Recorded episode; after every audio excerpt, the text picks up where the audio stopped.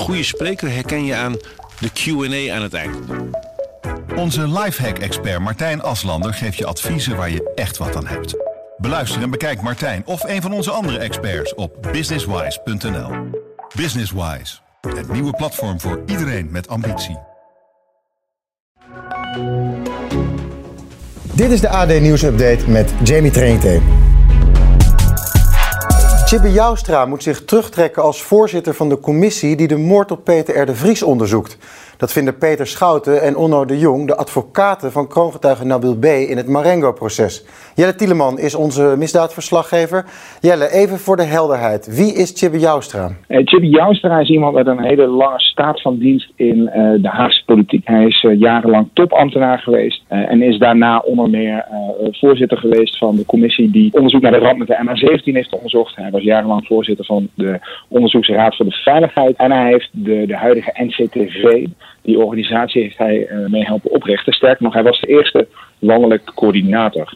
Lange staat van dienst dus. Dan nu even naar het nu.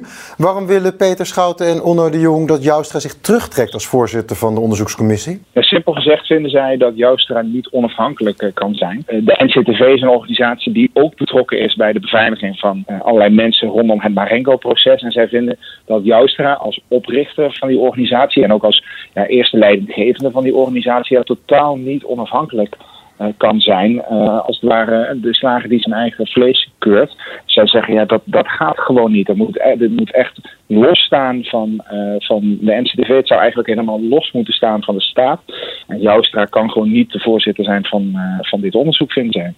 Maar Joustra is aangesteld door minister Grapperhaus. Waarom ziet hij dat dan anders? Ja, Grapperhaus die ziet voornamelijk zijn lange staat van dienst, zoals ik die net ook al opnoemde. Hij is iemand die uh, veel ervaring heeft met veiligheid. Hè. Jarenlang voorzitter van de Onderzoeksraad voor Veiligheid. is veel ervaring met, ja, met dit soort onderzoeken, hoe je dat moet opzetten en hoe je die kan leiden. Dus daar verwijst Grapperhaus met name naar. Hij heeft ook afgelopen vrijdag nog een brief naar de Kamer geschreven waarin hij zegt, ja, die onafhankelijkheid die is gewaarborgd. Nou, Schouten en de Jong zijn het daar totaal niet mee eens.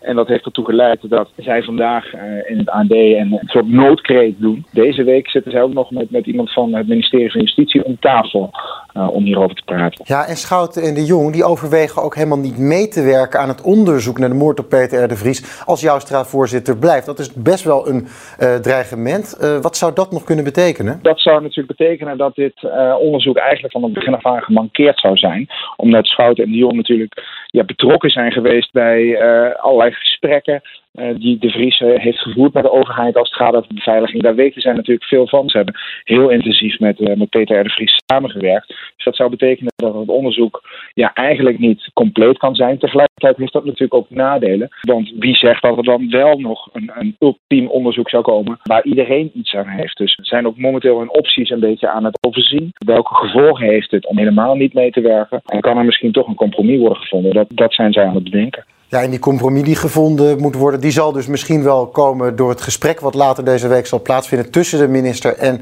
deze advocaten. Nogmaals, wat verwacht jij dat daaruit gaat komen? De druk wordt natuurlijk wel opgevoerd en ik kan me voorstellen dat er misschien een tussenoplossing wordt gevonden. Zo heeft Peter Schouten al gezegd van nou, misschien kan er een soort co-voorzitter komen. Dan heb je weliswaar twee kapiteins op één schip, maar dan heb je wel het ja, dan luister je wel naar de, naar de, naar de zorgen die erover zijn. Misschien dat er zo'n compromis gevonden kan worden. Dus ja, dat, dat wordt wel spannend. Microchips, hout, koffie, zelfs papierpulp. Nederlandse bedrijven worden harder dan ooit getroffen door het wereldwijde tekort aan grondstoffen. Toch blijkt uit nieuwe cijfers dat de Nederlandse industrie met een rap tempo groeit en zelfs het ernstige personeelstekort van voor corona terugkeert.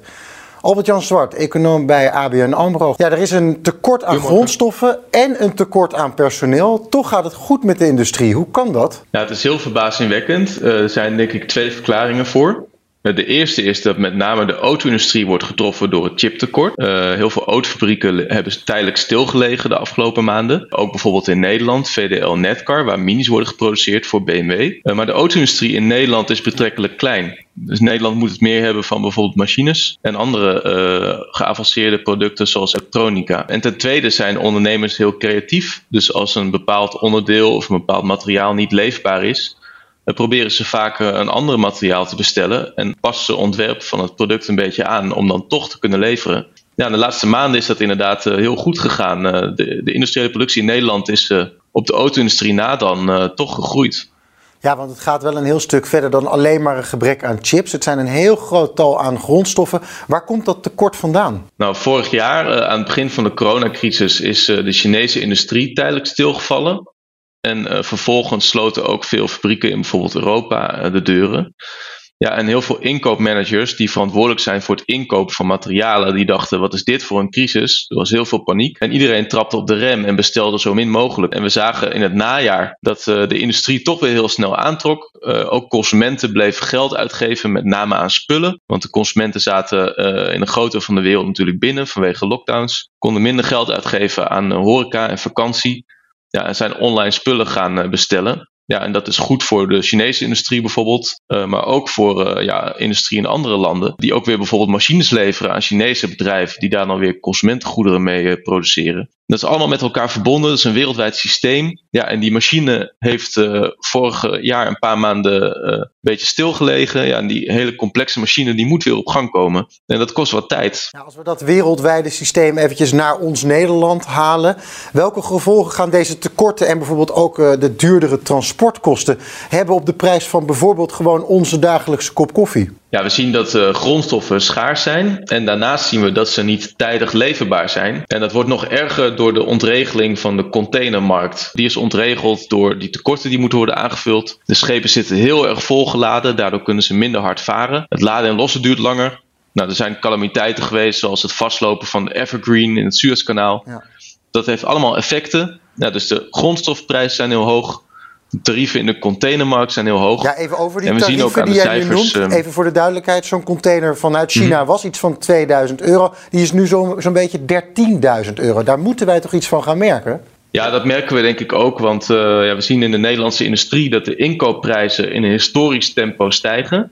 En we zien ook dat retailers, uh, bijvoorbeeld bij tuinmeubelen zien we het al, dat die de gestegen kosten moeten doorberekenen aan de consumenten. Dus tuinmeubelen zijn begin dit jaar zo'n 5, 6 procent duurder geworden dan voorheen. Dat komt doordat uh, tuinmeubelen relatief veel ruimte innemen op een containerschip. En wat is nou uiteindelijk de oplossing voor dit, dit probleem, wat misschien maar alleen maar groter gaat worden? Uh, nou, ten eerste willen bedrijven weer voorraad opbouwen. En zodra die voorraden weer wat opgebouwd zijn, dan uh, haalt dat een beetje de druk van de ketel. En ook naarmate de machine weer beter draait, zeg maar, van de wereldwijde industrie en transport, uh, kunnen die tekorten weer wat minder uh, worden.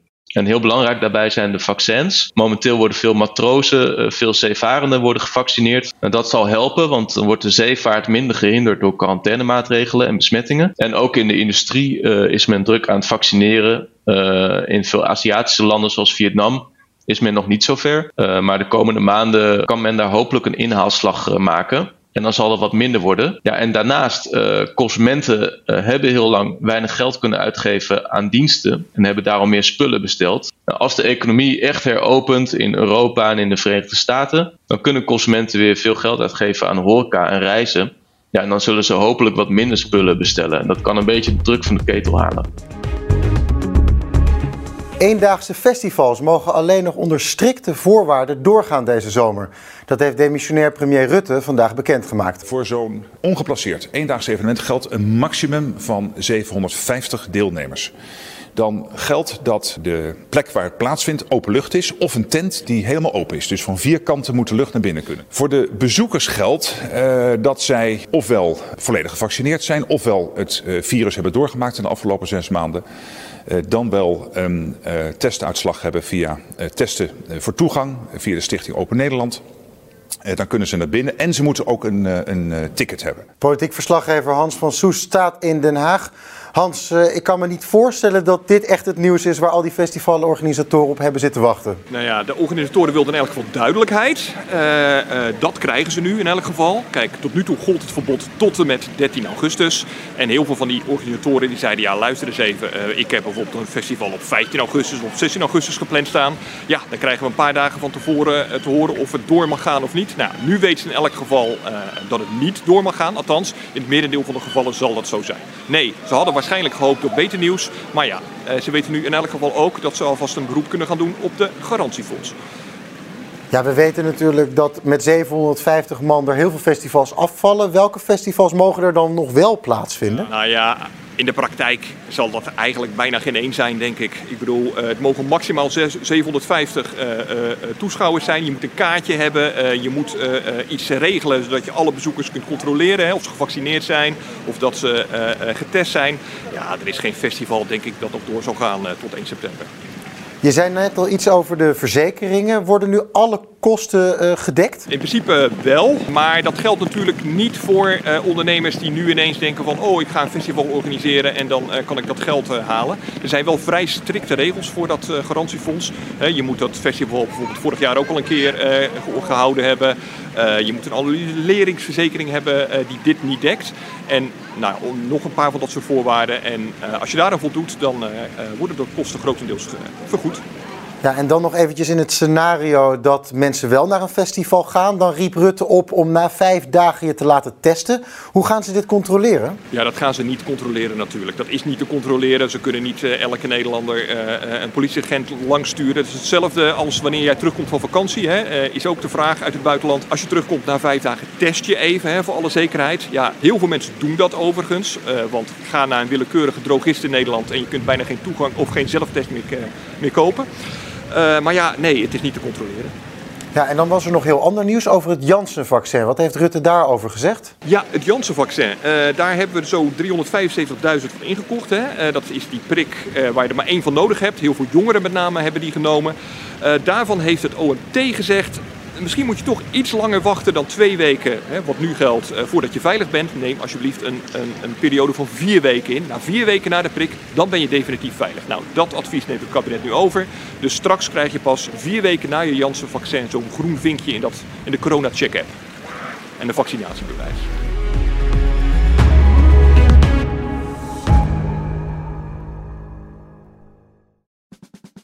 Luister ook naar onze podcast Politiek Dichtbij. In een half uur praten we hierbij over de stand van zaken op het Binnenhof. En niet alleen vanuit de wandelgangen in Den Haag, maar ook vanuit een regionaal perspectief. We zijn te vinden in onze app, op Apple Podcast en op Spotify. En wie zijn wij dan? Wij zijn Leonard Beekman en Tobias den Hartog.